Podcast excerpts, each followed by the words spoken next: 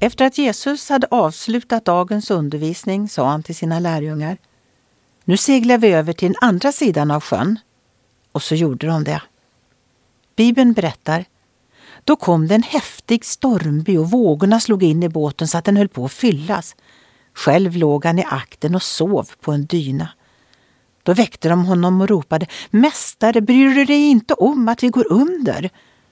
Han vaknade och talade strängt till vinden och sa till sjön Tig, var tyst. Och vinden la sig och det blev alldeles lugnt. Även om en våldsam stormby överraskar dig när du seglar är Jesus med dig ändå. Han kan tala till vinden och sjön och säga Var stilla.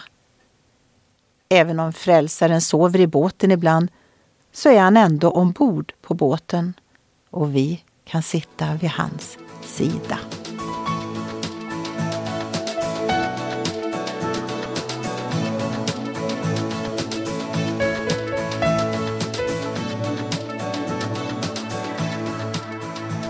Ögonblick med Gud producerat av Marianne Källgren, Noria Sverige.